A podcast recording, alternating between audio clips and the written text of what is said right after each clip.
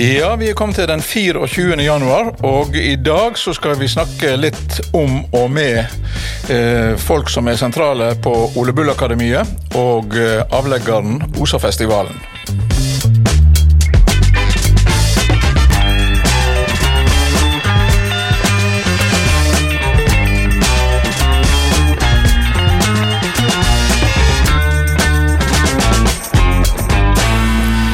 Velkommen, Jo Asgeir Lie, rektor på Ole Bull-akademiet.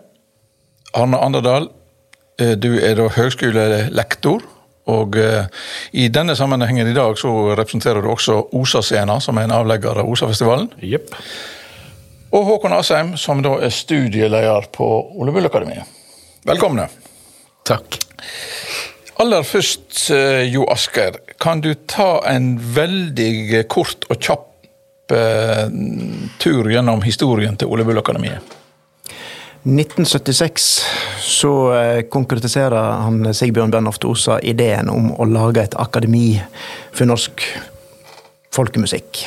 Han så at det var veldig dårlig stilt eh, med kunnskapen til musikkstudenter, eh, både i Bergen og i Oslo, og greide å få eh, starte opp kurs eh, i innføring, innføringskurs i folkemusikk og folkedans. Eh, da for daværende eh, Bergen Musikkonservatorium, altså Griegakademiet i dag, og Norges musikkhøgskole. Og første kurset ble holdt i 1977. Han eh, kom vel med ideen ved et kveldssete oppe i Sæveli, og han fordelte styreplasser etter det som de satt, omtrent, rundt bordet. Og eh, det gikk ikke lang tid før han òg skrev til daværende finansminister Per Kleppe. eh, og Vyrde finansminister Per Kleppe, vi har tenkt å starte et akademi her på Voss. Og så kom vi videre, så ved Gilde å sende oss 500 000, og så kom vi på årlig. og ifra 1977 så har det akademiet hatt kurs for uh, høgskoler og universitet. Uh, hovedsakelig da for de som har uh, musikkutdanning i fagkretsen. Og det de gjelder både lærerhøgskoler, førskoleutdanning og instrumental utdanning. Så i løpet av et år så har vi rundt 20-25 kurs i året på Ole Akademiet. Og en avlegger i Bykle Setesdal, som har noen kurs. Så eh, hvis en ganger rundt en 500 studenter med så mange år som vi har drevet på, så er det rundt en 20 000 Ja. som har vært innom på Ole Bull Akademiet. Og eh, noen av de har nok blitt eh, såpass prega av folkemusikken, og da de da folkemusikksjokk eller folkemusikklobotomeringa som vi har drevet på med, at eh, de har gjort det til sitt livsgjørende. Ja. Ikke blitt friskmeldt ennå. Nei. Og blir det vel heller ikke. Eh, hvordan Altså, jeg, jeg var jo sjøl student eh, som var på kurs her oppe høsten 81.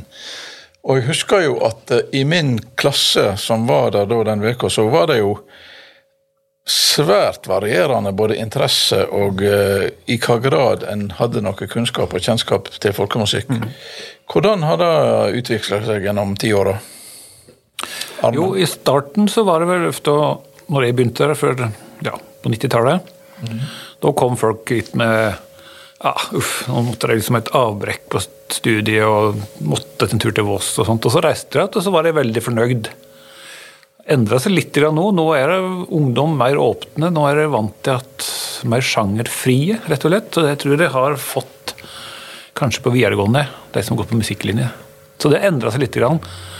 Men eh, vi må stadig vekk levere og prøve å gjøre fullt skåla. Men eh, det går bra, altså. Og vi er vel kanskje mer bevisst på at eh, studenter og ulike studentsteder er ulike. Det vil si at et kurs har en har en fast bestanddel, men, men innenfor eh, de ulike kursene så kan vi, kan vi ha mer vekt på nok dans for noen, noe mer på kveing for noen, og noe mer på samspill for andre. Og det, det gjør jo at vi prøver å designe kursene mer enn vi kanskje gjorde før. Ja. De var nok nokså standardiserte, mm. vil jeg tro, på den tida som jeg var student, mm. iallfall. Men det møter kanskje ikke fullt så mye vrangforestillinger nå som det gjorde tidligere tider. Altså folk som har gjort seg opp en mening om at folkemusikk er helt bånn i bøtta. Jeg syns jo at vi får veldig mye tilbakemelding på at eh, de var ikke klar over hvor mye flott det var. Og at, eh, at det blir berørt ut av eh, av tradisjonsmusikken og dansen. Ja. Mm. Det var en på kurs for et par år siden som var på dans, og så ble han så ivrig. Så I oppsummering etterpå så ble han nesten litt irritert på at han ikke hadde møtt det her før i sitt 25-årige liv. Så, ja. Mm. Ja. ja, ja, ja. Håkon, du er da altså studieleder. Eh, nå sier jo Asgeir at en kanskje designer kurser mer eh, ut ifra hvem som kommer, og hva en kan forvente seg. Ehm, hvordan er din jobb oppi dette her? Ja, min jobb er jo med de, de faste studentene våre. Etter at disse her ehm, innføringskursene på fem dager hadde gått i, i mange år, så, eh, så ble, ble, det jo sånn at vi fikk vårt eget studium ehm, i utøvende tradisjonsmusikk. Og det har jo gått fra 96 nå, og stadig vokst litt.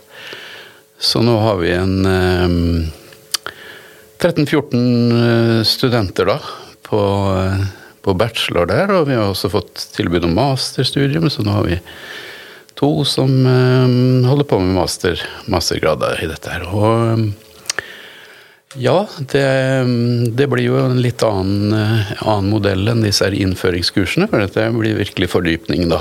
For de som vil gå inn for dette her på, på heltid. Og, og eh, det, det går, går, fint, det òg. Eh, vi har hatt økende søkertall nå de siste, siste par åra. Veldig gledelig. Men disse her eh, heltidsstudentene de har da et eh, desentralisert opplegg som eh, går på at de er her på samlinga, og så er de hjemme i sitt eget miljø og, og har egne mentorer som ja. På, den plassen de kommer ifra, eller den ja. de kommer ifra. Det var jo et viktig poeng når en skulle starte et sånt, sånt studium. At en skulle få best mulig oppfølging i, i egen, um, egen, tradisjon. Uh, og um, da gjør vi det sånn at de har um, ca. ukes studiesamling da, hver måned. Og mellom der så får de mm, timer med sine eh, læremestere eh, der de kommer fra, eller der de eh, i den tradisjonen de fordyper seg i. Ja. Og ikke så rent få av disse her eh, bachelorstudentene har jo blitt store og kjente musikere i ettertid. Mm. Det aller første kurset var vel bl.a. Uh, Sigrid Mollestad på. Ja, stemmer det. Ja. Og det har gått slag i slag. altså Du kan sikkert eh, liste opp ei hel rekke med, med kjente musikere som har ei fortid på Luvulakademiet. I troppegangen eh, nede mot Osesalen, der henger det helt på å si, skrytelista vår. Der er bilde av alle årskulla. Og ja. det, er, det er ikke rett få som har vært med å prege norsk kulturliv veldig, veldig sterkt. Ja. Så ja, vi er stolte over de studentene vi har. De er flotte. Ja. Eh, de er jo eh, innenfor ulike eh, instrument. Og eh, der er vel eh, ja, Hardingfjella er vel kanskje det mest vanlige enda, men ellers er det vel torarer blant annet. Og eh, er det kvearer òg som Det er det òg. Ja. De siste åra har vi hatt ganske stort mangfold av instrument. Akkurat nå har vi av de mer tradisjonelle, da, så har vi både langeleik og munnharpe. Og ellers er det trekkspill og gitar og, og litt, litt, av hvert. Til og med saksofon. Mm. Er det vanskelig å finne mentorer til alle disse her eh, uttrykka? Eh, iblant så kan det jo mm, være litt, litt vanskelig, i hvert fall det spesielle instrumenter. Men eh, stort sett så, så, går det veldig bra. Det er veldig mange eh, dyktige frilansmusikere i Norge som er også tradisjonsbærere innenfor en eller annen folkemusikk tradisjon. Så, så vi eh, benytter oss av de, og det fungerer veldig, veldig bra. Det er jo også noe av det som gjør at kanskje enkelte studenter da, velger kanskje folkemusikkstudiet her istedenfor det på Musikkhøgskolen i Oslo f.eks. For, for at her har de litt større frihet til å velge seg og ønske seg en, en lærer. Ja.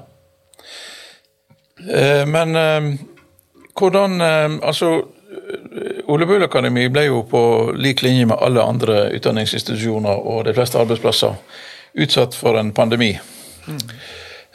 hvordan slo den ut for Ole Bull Akademiet? Jeg har lyst til å si at du, Anne, gjorde et fantastisk arbeid med å tilrettelegge. eh, Rett og slett fordi at i løpet av noen få dager så var vi på Teams og Zoom. Og veldig mye ut av forelesningene gikk, eh, gikk eh, digitalt. Og så kunne vi på en del av eh, campus, altså undervisningsstedene, ha eh, litt gruppeundervisning. Men det som virkelig var sårbart, det var jo dansen. For da, den kunne ikke en gjennomføre. Så det, det er mange, to år egentlig med, med studentgrupper som fikk et, en teoretisk innføring i eh, begrepet dans, men uh, knapt nok greide å, eller fikk lov til å mm, gå en valsetakt eller reinlendetakt. Har dansen i det hele tatt vært liksom et av de eh, svake beina på Ole Bull Akademiet?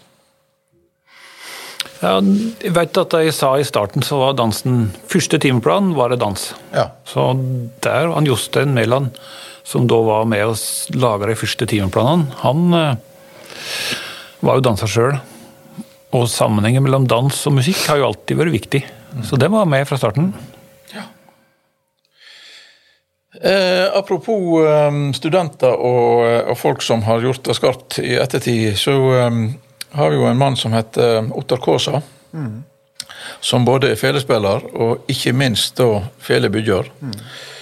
Og han var vel òg den første studenten for, på et nytt tilbud som akademiet oppretta med Felemakerverkstedet. Ja. I dag så er jo den etablert, og eh, med Vipke og Lukas som er instrumentbyggere. Eh, Men i, det er vel eh, En sliter vel med, med lokalitetene og med plassen, rett og slett. Altså Det er vel ikke større plass enn en må ha da, der oppe. Nei, det er et eh, Vi har jo meldt det inn til Kulturdepartementet, Ja. men uh, Det er iallfall ikke tida for å eh, satse på store utbygginger nå, ser det ut som. Men, uh, men på sikt så må vi jo få til enten ei ombygging, rehabilitering eller et nybygg. Vi har sondert mulighetene for et nybygg, og det er, det er klart at det, alt sånt koster. Ja. Og som en selvstendig stifting, selv om vi har hovedtyngda finansiering fra Kulturdepartementet og en, en god eh, finansiering fra eh, Kunnskapsdepartementet, så er det Vi har ikke økonomiske muskler eh, uten at vi har gode bidragsytere fra stat og fylke og kommune. Og selvsagt private aktører. Men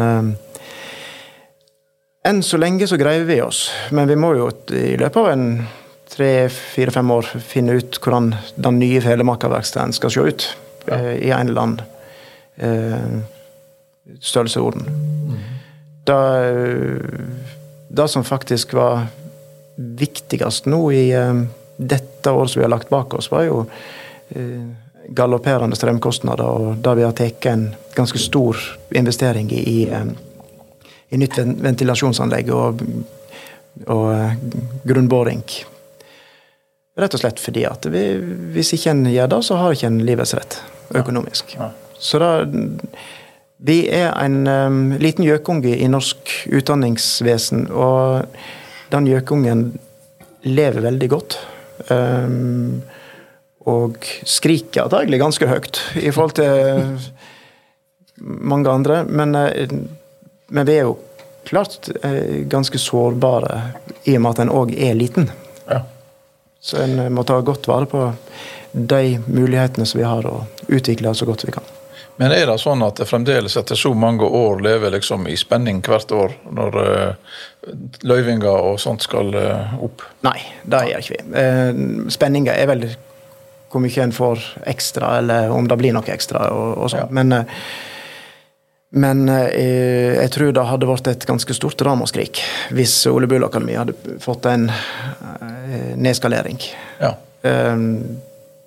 Det er litt sjølskryt. Det er overraskende mange i Kulturdepartementet som har vært på Ole Bull Akademi-kurs. Så de, de veit godt om oss. Ja. Og vi har gode eh, politikere rundt oss i, i Vestland som òg er, er lette å få tak i, hvis det er, hvis det er noe vi trenger. Men det er ikke sikkert at vi får penger, men de lytter iallfall. Ja. Eh, Ole Bull Akademiet er jo en um, utdanningsinstitusjon på høgskolenivå. Um, og han ligger ikke mer enn en, uh, ja, 100-150 meter ifra Vangen. Likevel så har en følelsen av at for mange vossinger så er dette her en litt sånn framand fugl. Uh, det er ikke en plass som en uh, har et veldig nært forhold til. Hva kan det skyldes? Ingen som vil si noe. jo da. Nei, altså det er klart at det er jo Folkemusikk, folkedans, det er ikke en sjanger som alle driver med. Det heter jo folkemusikk fordi at det var noe alle drev med i gamle dager. Når var det? 1950 1850 eller 1780. Ja. Da drev alle med det. Men så ble det mer en sjanger på lik linje med ja, foreldre nå skal, skal, du på fotball, eller skal du på korps, eller skal du spille piano, eller vil du hardingfele? Ja, kan prøve hardingfele. Ja. Så det er ikke en sjanger som alle kan. Nei. Og når akademiet starta på 70-tallet, da hadde vel egentlig Sigbjørn og Jostein opplevd egentlig en litt nedtur. Det var ikke bredt miljø på 50-60-tallet med folkemusikk. Og så prøvde de å bygge opp det. da. Og Så ble det litt, kanskje litt vel akademisk for mange. Det ble ikke folkelig lenger, kanskje, og da mista det noen der. Og så var det egentlig ikke mange vossinger som var innom på kurs. Så det var liksom Det så nå bare ungdommer kom blafferne forbi med en gitarkasse på ryggen. Ja. Visste ikke helt hva det var for noe, tror jeg. Litt. Ja. Og det var òg et eh, en tanke om at dette her skulle være et nasjonalt akademi. Ja. Sånn at det var, det var viktig å å befeste den posisjonen som en viktig institusjon i norsk musikkliv. Og det gjorde nok til at eh, fokuset på det lokale ikke ble så, så framheva eller fokusert på det i det hele tatt. Ja. Det var nesten som at det, det, det lokale derfor Spelmannslaget ta seg av, mens det nasjonale skulle Ole Bull Akademi ta seg av. Ja. Og eh, så kan jeg jo diskutere dette om det var rett, men nå er ikke det så veldig mange år til vi er 50 og kan feire 50-årsjubileum. Og det Jeg tenker jo at de gjorde en del riktige disposisjoner. Og så er det opp til oss som er på akademiet nå, å på en måte aktualisere akademiet lokalt.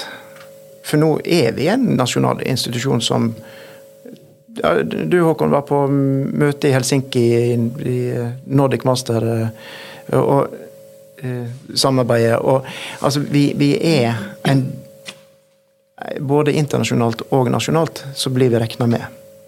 Og vi har et veldig godt samarbeid med Griegakademiet, som eier studieprogrammer. Og vi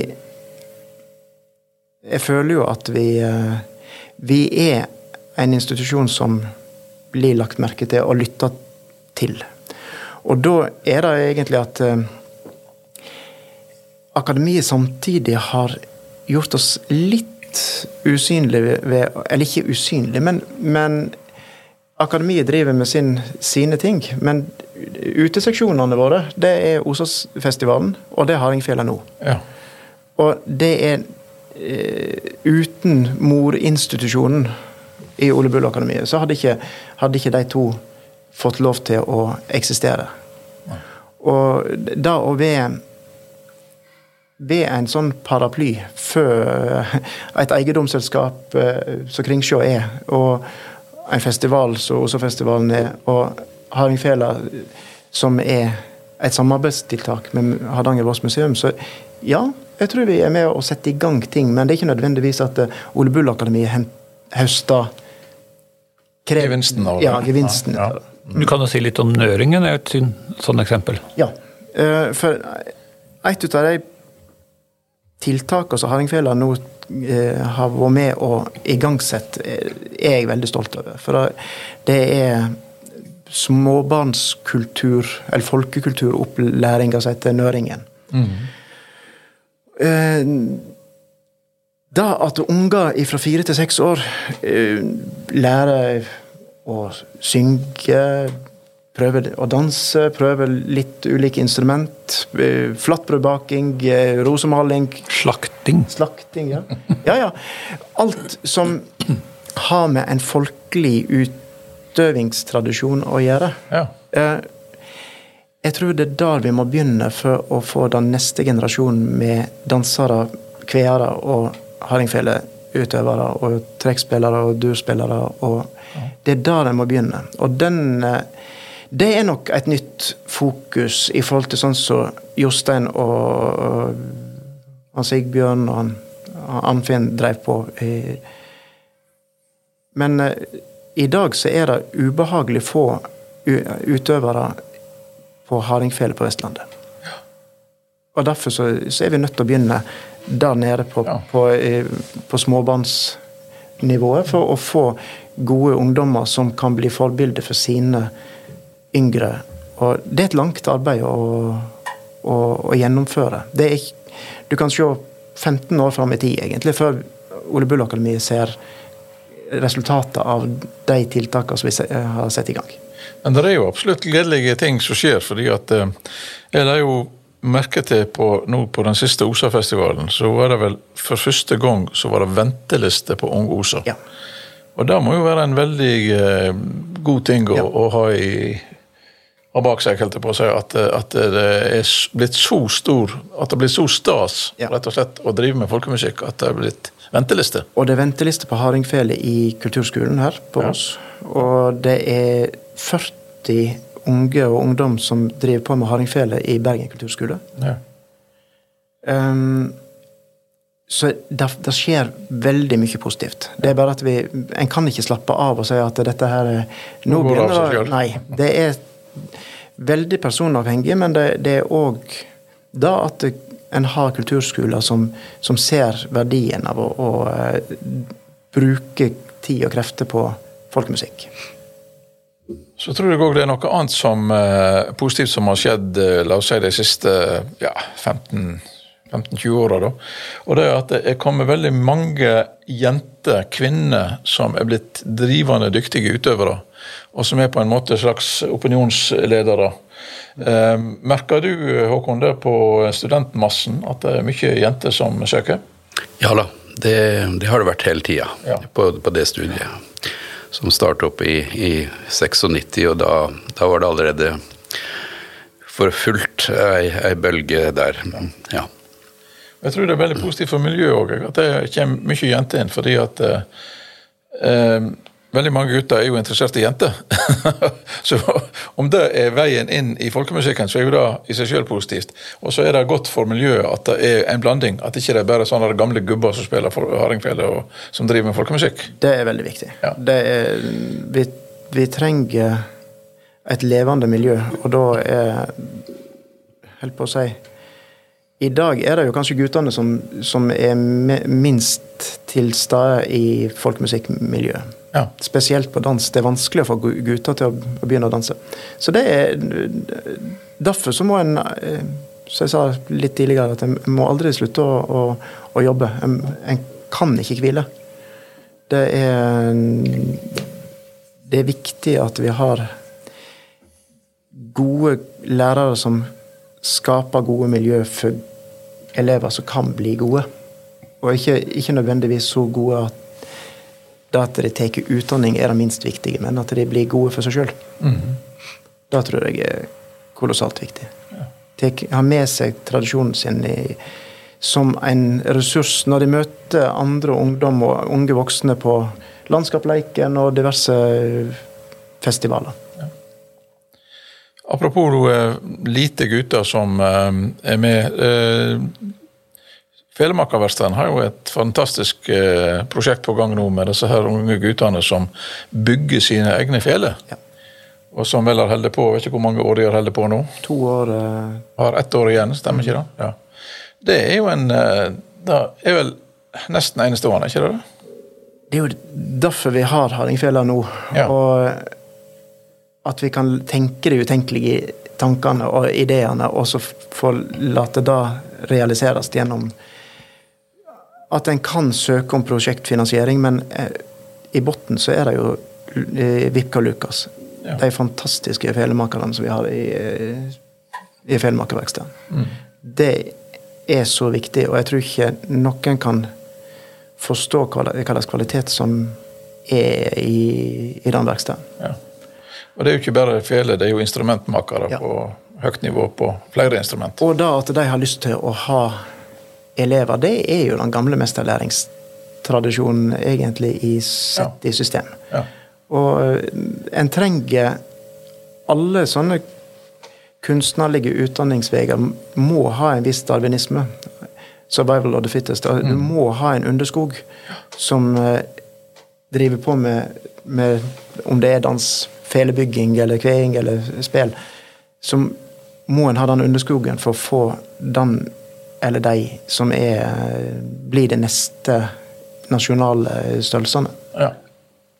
Vi har nevnt uh, Ole Bullock, nei, Osafestivalen som en, en uh, suksessrik uh, av, eller, ja, avlegger av Ole Bull-akademiet. Og under OSA-festivalen så har vi en noe som heter OSA-scena. De skal ha sin første konsert for året i kveld, faktisk. Arne, fortell. Ja, vi har Osascena, som vi kaller det nå. I starten var det Voss folkemusikkscene, og så ble det folkemusikklubb. Vi surra litt på med navnet, helt til Ida kom med Osascena. Og det er jo for å ha konserter året rundt, i litt mindre format enn en hel festival. Så um, stort sett har vi heldigvis på tre brød, da. Så det er de som kommer nå, det er jo Henderson, Fleeflet og Burgess. Altså Gabriel Fleeflet er jo kjent på Voss. Og um, Kevin Henderson fra Shetland. Og han Burgess han er en engelskmann som bor i Fredrikstad. Så her blir det raske riler og de synger om hvalfangst og vennskap og vågemot på engelsk og på norsk. Det er mye salt og sjø i lufta, står det her. Avsporingene er mange. Så, ja, det vil jeg tro. Ja, så nei, vi må jo ha publikum òg til musikken vår, og da er dette litt sånn. Osascena var jo i ferd med å etablere seg som en eh, publikumssuksess, altså i, i et, smått, et lite format eh, i kjelleren på Tre Brør. Mm. Er det der en er inne igjen nå òg? Ja, nå skal ja. vi prøve tilbake i tre Brør i kjelleren, så se om vi ikke får bygd oss opp igjen. Ja. Fikk en liten nedtur ja. før og etter pandemien og sånn, og så ja. Rett og slett. Har du flere konserter utover våren? Og... Ja da. Gabriel Fliflet driver jo sin Colombiegg i Bergen, mm. så han fòrer stadig vekk med artister. 5.2 kommer det en svensk prisvinnende kvintett som heter Jerv. Jeg kjenner ikke så veldig mye til den, men vi stoler på, en, eh, stoler på han Gabriel. 28. februar, det er eh, Nordic Master, som har studenter fra hele Norden, da, som skal være her noen uker. Og de skal spille konsert 28. februar. Håkon, du vet kanskje litt mer om deg? Du har hørt deg? Jeg har hørt dem, absolutt. Verdt å høre. Ja. Mm. Eh, 7. mars, da kommer det lokalt prosjekt mer. Det er Knut Hamre som har drevet i gang et plateprosjekt med å spille inn slåtta som eh, ikke har vært brukt det siste året, fra arkiv og noter. Så det er Knut Hamre, Anlaug Børsheim, Benedicte Maurseth og Laila Storli. Og vi har eh, helt fram til 3. juni i Finnesloftet Bukkene Bruse. Ja. Det er solid avslutning. Det er solid avslutning. Og i løpet av sommeren blir det mer musikk i Finnesloftet, som Ida da ja. ordner med. Hun skal ha penger, og sette i gang. Og for de som er ikke er like familiære som du er, så er Ida altså det er Ida Dyrkorn Høyerland som er sjef for Osafestivalen? Ja, det er rett. Men Håkon, ehm, helt avslutningsvis. det som er underviser og er i ledelsen oppå akademiet, det er jo også en gjeng med solide og gode musikere. Har dere vurdert å lage et fast ensemble, som òg f.eks. konsert på Osascena eller andre sammenhenger? Ja, vi har jo operert som ensemble litt sånn eh, dann og vann. Ja. Så du har jo en idé der, da. Jeg synes det det er jo litt råflott å ha så gode krefter og så ikke vise folket det. Og da kan jo en være en god måte å komme i nærmere kontakt med lokalbefolkninga. Og vise hvem det er. Absolutt. Ja. Vi, men vi har jo hatt sånne Vi var jo på EM i, i eh, Ja. hva, Det var, så I Vindtunnelen hadde jo EM noen år siden. Da var vi jo delaktige i åpningsseremonien. Ja. Jeg sto på taket, og du sto på verandaen, og noen sto på en traktor. og liksom. Så vi prøver å vise fram litt iblant, da. Men det har vært litt mer sånn sporadisk. Du har ikke Ja. liksom etablert et, eh, et tilbud for eh, bygda. Nei, men eh, det er absolutt bare å ta kontakt, så skal vi komme og spille, vi. Så det, det er ikke noe Det er definitivt ikke vonde ben når det gjelder å spille. Vi får sette Ida på saken, så tenker jeg jo eh, Ja. Det blir fort en konsert og to. Ja, ja da eh, tror jeg vi er kommet til veis ende på dagens episode av eh, Kulturpuls. Så jeg eh, skal bare avslutte med å si tusen takk for praten.